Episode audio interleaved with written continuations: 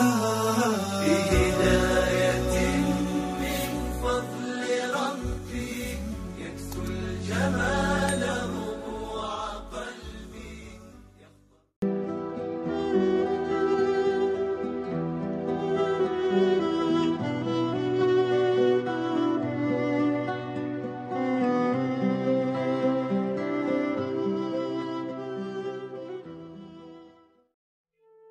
Asyaitanu ya'idukumul faqra. Syaitan selalu membisikkan kekurangan dalam hati. Syaitan selalu membisikkan kesedihan. Syaitan selalu membisikkan ketakutan. Halau ketakutan itu dengan takbir. Usir rasa cemas itu dengan takbir. Allahu Akbar. Allahu Akbar. Allahu Akbar. Walillahil hamd. Bahwa orang yang dekat dengan Allah ujian tak pernah terhenti datang. Kenapa Ibrahim yang bergelar Al-Khalil, kekasih Allah, Al-Khalil, orang paling dekat dengan Allah, Al-Khalil, orang yang disayang Allah. Mengapa ujiannya datang silih berganti? Ujian pertama datang dari seorang ayah yang tidak menyembah Allah. Ya abati, wahai ayahku, mengapa kau jadikan berhala sebagai Tuhan? Apa jawab Azar ayah Ibrahim? La illam tantahi. Kalau kau tidak berhenti menceramahi aku, kalau kau tidak berhenti mendakwahi aku, la arjuman naka akan ku lempar kau pakai batu sampai mati. Wahjurni malia, tinggalkan aku untuk selamanya. Tak ada ujian yang paling berat selain berhadapan dengan ayah kandung yang musyrik mempersekutukan Allah. Kasarkah Ibrahim? Tidak. Apa jawab Nabi Ibrahim? Sa'astaghfirulaka rabbi.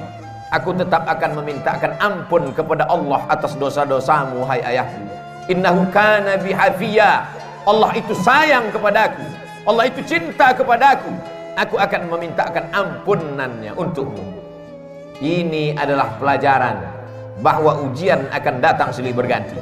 Ada sebagian orang yang beranggapan kalau dia sudah taubat, kalau dia sudah hijrah, maka hidupnya akan tenang, senang, kenyang, lenang, tak lagi ada ujian. Salah. Hijrah bukan berarti tanpa ujian. Hijrah bukan berarti hidup akan senang, tenang dan kenyang. Hijrah membuat kita lebih kuat kepada Allah. Bebannya tetap sama, bebannya tetap datang, tapi kekuatan lebih kuat dari sebelumnya.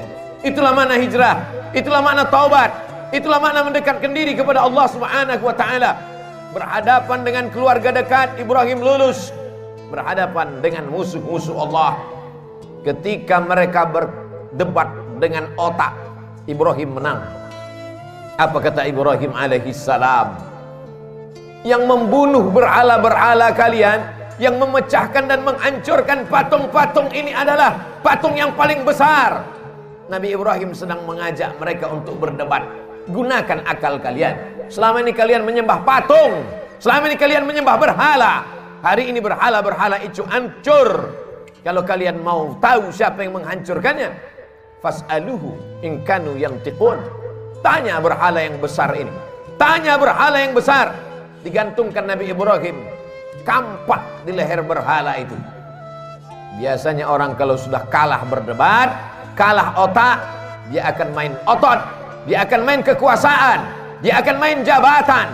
Mereka kumpulkan kayu-kayu dan batu-batu lalu diperintahkan oleh penguasa harriquhu bakar Ibrahim. Mereka membakar Ibrahim. Saat itu api yang panas berubah. Sunnatullah terjadi. Apa kata Allah Subhanahu wa taala? Ya nar wahai api kuni bardan sejuklah. Wasalaman selamat ala Ibrahim. Api yang tabiatnya membakar saat itu tidak membakar. Karena Allah berkata bardan sejuklah engkau wahai api. Ibrahim keluar dari api unggun dalam keadaan kedinginan. Andai Allah tidak menutup ayat itu dengan salaman selamat mungkin Nabi Ibrahim akan mati kedinginan di dalam api yang panas. Api tak dapat membakar kalau sudah Allah berkuasa. Ini menunjukkan bahwa Ibrahim alaihi salam tetap berhadapan dengan penguasa yang zalim berhadapan dengan berbagai macam ujian. Berhadapan dengan ayah kandung lulus. Berhadapan dengan penguasa yang zalim, lulus. Tapi ada ujian yang lebih berat daripada itu. Ujian kerinduan, ujian kehampaan hati, ujian kekosongan jiwa, ingin mendengar tangisan anak kecil di dalam rumah, dalam gendong dan pelukan. Berdoa Ibrahim alaihissalam, Rabbi habli minas salihin, berikan aku anak yang saleh, berikan aku anak yang saleh ya Allah. 86 tahun dia berdoa kepada Allah Begitu disebutkan oleh Imam Abul Fida Ismail Ibnu Kathir dalam tafsir Al-Quranil Azim. Adakah hari ini orang yang berdoa sudah sholat, sudah tahajud, sudah berinfak, sudah bersedekah? Mengapa Allah tidak mengabulkan doa saya? Mengapa Allah tidak memperkenankannya? Hari ini kisah Nabi Ibrahim mengingatkan kita kembali Sesungguhnya tak sulit bagi Allah untuk memberikan yang kau cintai, yang kau sayangi, yang kau harap-harapkan. Tapi Allah ingin kau merintih di tengah malam dalam doamu. Allah ingin melihat kau bermunajat dengan tetesan air matamu. Allah ingin kau berdoa. Allah ingin kau berikan segalanya kepada Allah. Allah maha cemburu. Allah tak ingin kau berbagi dengan yang lain. Oleh sebab itu munajat di tengah malam berdoa kepada Allah. Sesungguhnya Allah ingin meningkatkan derajat, menghapuskan doa, menghapuskan dosa dengan doa-doa dan permintaan seorang hamba. Aqrabu ma yakunul 'abdu min. Seorang hamba paling dekat dengan Allah wa huwa sajid ketika dia sedang bersujud. Fa aksiru fihi doa. Perbanyaklah doa. Pesan pertama dari kehidupan Nabi Ibrahim bahwa hidup tak pernah lepas dari ujian. Hari ini kita sedang menghadapi ujian besar. Saudara-saudaraku yang kena PHK, saudara-saudaraku yang kesulitan dalam mencari nafkah, sesungguhnya ujian itu tetap datang silih berganti. Allah hanya ingin melihat perut itu kosong dari materi, sehingga kalau perut kosong, hati penuh, besarkan Allah. Allahu Akbar. Allahu Akbar. Allahu Akbar. Walillahil hamd. La ilaha illallah. Allahu Akbar. Walillahil hamd. Besarkan Allah dalam hatimu supaya dunia ini kecil dalam pandangan matamu. Besarkan Allah dalam jiwamu supaya kau melihat ujian itu kecil. Dunia ini tak sampai setengah sayap nyamuk, saudaraku. Dunia ini tak sampai setengah sayap nyamuk. Oleh sebab itu, man arafat dunia hanan alaih. Siapa yang tahu hakikat dunia, maka ringan dunia ini baginya. Allahumma la taj'alid dunya akbar hammina wala mablagha ilmina. Jangan jadikan dunia ini cita-cita terbesar kami ya Allah. Jangan jadikan dunia ini harga terhadap ilmu kami. Dunia hanyalah jembatan menuju akhirat. Ad-dunya balaghun ilal akhirah. Kalau ditakdirkan Allah, kita masih menikmati dunia ini sampai besok pagi.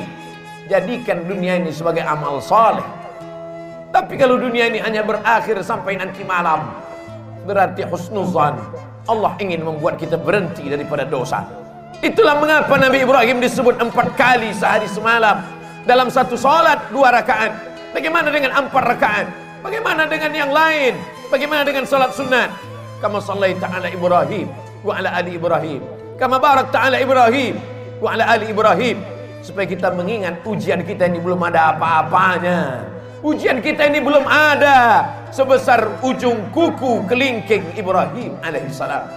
Maka ketika kita membandingkan hidup kita dengan Ibrahim, ringanlah terasa. Keluarlah dari mulut Alhamdulillah. Keluarlah dari mulut Subhanallah.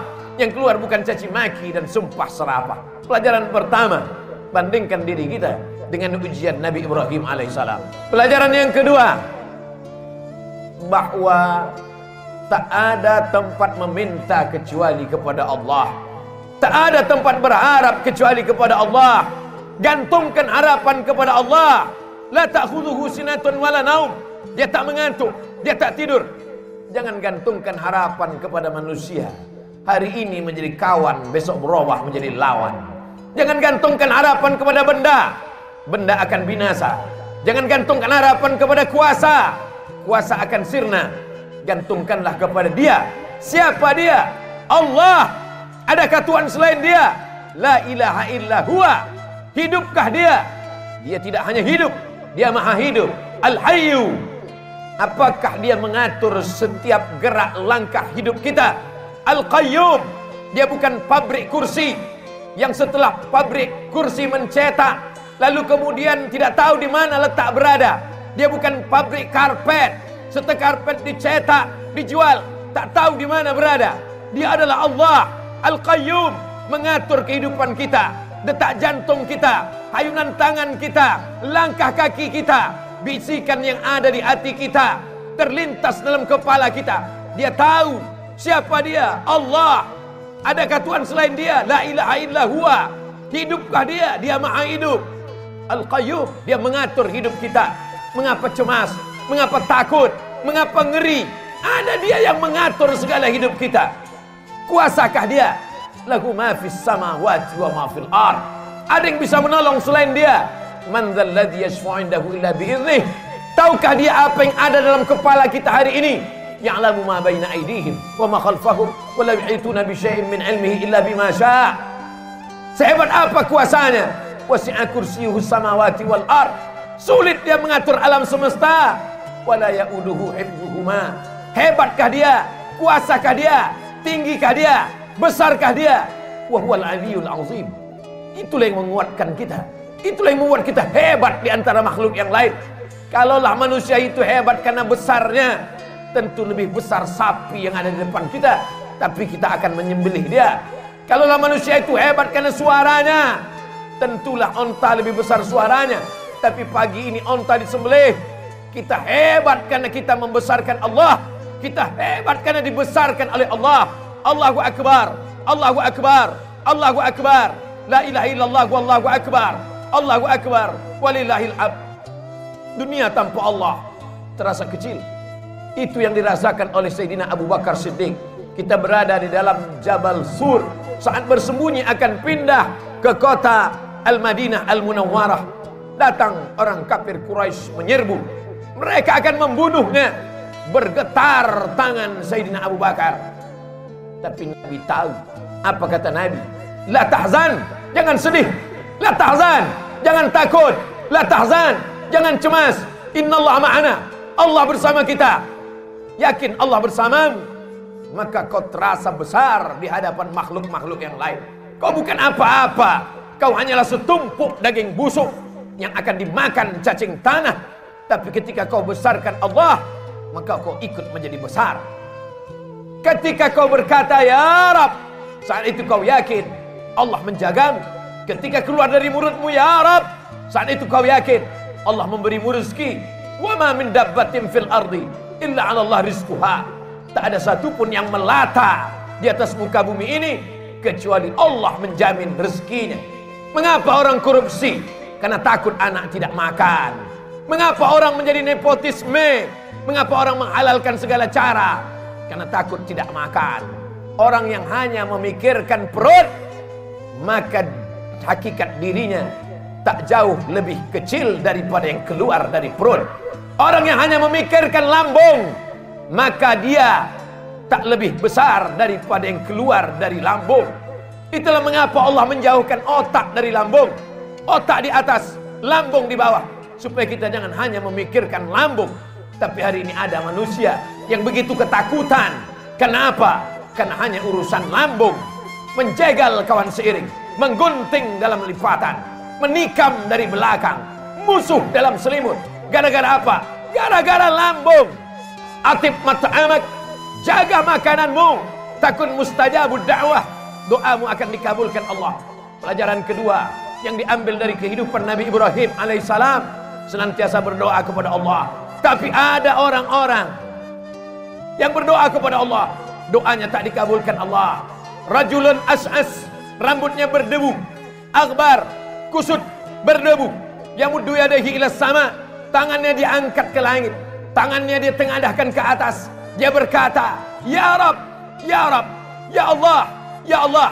Doanya tak dikabulkan Allah. Mengapa doanya tak dikabulkan Allah? Mat'amuhu haram, makanannya haram. Masrabuhu haram, minumannya haram. Malbasuhu haram, pakaiannya haram. Wa ghudhiya bil haram dan dia diberikan makanan haram. Oleh sebab itu, atib mat'amak, jaga makananmu, jaga kehalalannya. jaga kesuciannya, jaga kebersihannya. Takun mustajabun dakwah. Maka doamu akan dikabulkan Allah subhanahu wa ta'ala. Kita ingin diberikan Allah pandangan. Supaya pandangan kita lurus. Supaya kita paham. Supaya kita sabar atas segala doa-doa kita. Kalau Nabi Musa alaihissalam 40 tahun baru terkabul doanya. Kalau Nabi Ibrahim 86 tahun baru terkabul doanya. Padahal mereka adalah Khalilullah. Padahal mereka adalah Kalimullah. Maka kita datang sabar kita. Sesungguhnya kita sedang menyerahkan nasib kepada Allah. Allah lebih tahu apa yang lebih baik daripada kita. Tapi kadang kita memaksa Allah. Kita sudah buat target-target. Kita sebuah keputusan. Ada keputusan kita. Dan kita paksa Allah untuk mengikuti kehendak kita. Allahu Akbar. Allah Maha Besar. Kita kecil. Allahu Akbar. Allah Maha Hebat. Kita tak ada apa-apanya. Robah pandangan kita. Berikanlah yang terbaik untukku menurut pandangan engkau ya Allah. Bukan aku paksa engkau mengikut kehendakku karena engkau saja yang besar, yang lain kecil ya Allah. Pelajaran yang terakhir yang ketiga.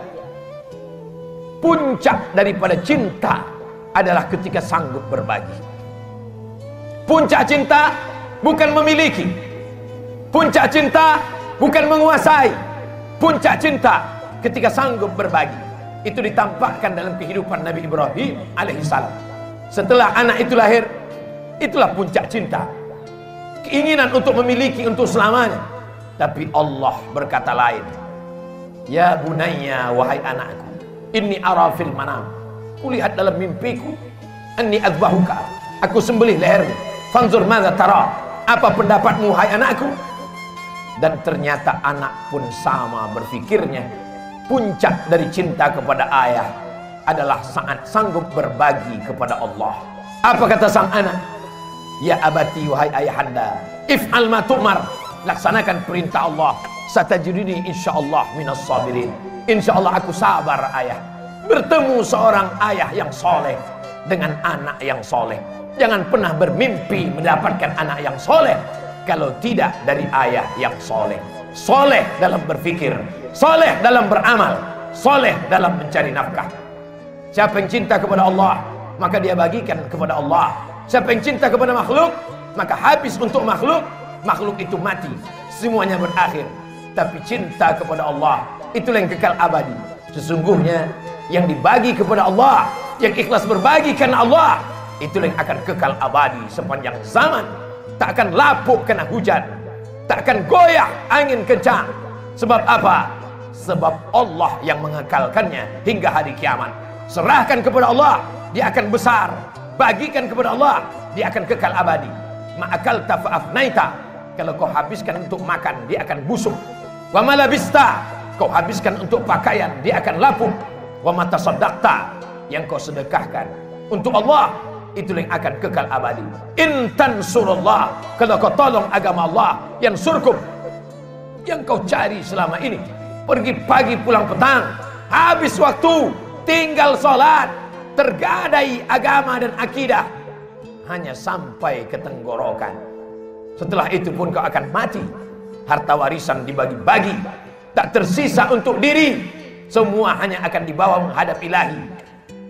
Akan kembali ke rumah yarji usnani anak menantu sahabat buah hati belayan jiwa akan kembali ke rumah mereka akan menangis dua tiga hari selepas itu mereka akan tertawa. Mereka akan melupakan kita. Kerja! Kalau kau hari ini jabat tinggi. Punya kekuasaan hebat. Dia akan digantikan oleh orang lain. Belum kau mati. Mereka sudah siap untuk menggantikannya. Wa yabqa wahidun yang tinggal hanya satu. Apa dia? Wakaf, infak, sodakoh. Bila kau punya yang lebih besar, berikan wakaf. Tidak lebih besar, berikan infak. Tidak lebih besar, berikan sodakoh. Allah maha adil. Kalau kau hebat, berikan wakaf. Kalau kau kurang hebat, berikan infak. Kalau kau manusia biasa, berikan sodakoh. Tabassumika fi wajhi akhika sodakoh. Senyummu ke wajah saudaramu adalah sodakoh.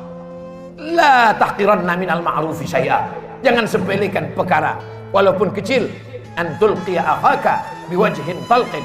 Hanya sekedar menghadapi orang dengan wajah yang cerah. Itulah yang akan dikenang orang sepanjang zaman. dari abad berabad, dari zaman berzaman, tak akan dilupakan orang. Masih ingat orang dengan senyummu. Saat kau mati dimakan cacing tanah, masih didoakannya. Masih didoakannya saat dia lewat di makammu. Masih sempat mulutnya berkata, Assalamualaikum ya ahlul diyar minal mu'minin. Wa inna insyaallah bikum lahiqun. Yarhamullahu al-mustaqimin wal mustakhirin. Nas'alullah lana wa lakumul afiyah. Tapi kalau kau sombong, kalau kau angkuh, itu juga akan dikenang orang. Itu juga akan diingat oleh orang sepanjang zaman. Itulah orang yang sombong, itulah orang yang angkuh, itulah orang yang paling merasa tinggi hati. Oleh sebab itu, bukti kau rendah hati kepada Allah, berimpak, berwakaf dan bersedekah. Bukti kau rendah hati tawadu kepada manusia, berhadapanlah dengan orang dengan tatapan yang baik, dengan cakap yang baik, dengan perbuatan yang baik, qaulun ma'rufun, perbuatan yang baik, wa maghfiratun, pemberian maaf, khairun lebih baik min sadaqatin daripada pemberian perbuatan baik yatsba'uha ada tapi diiringi oleh perbuatan yang jelek. Hmm.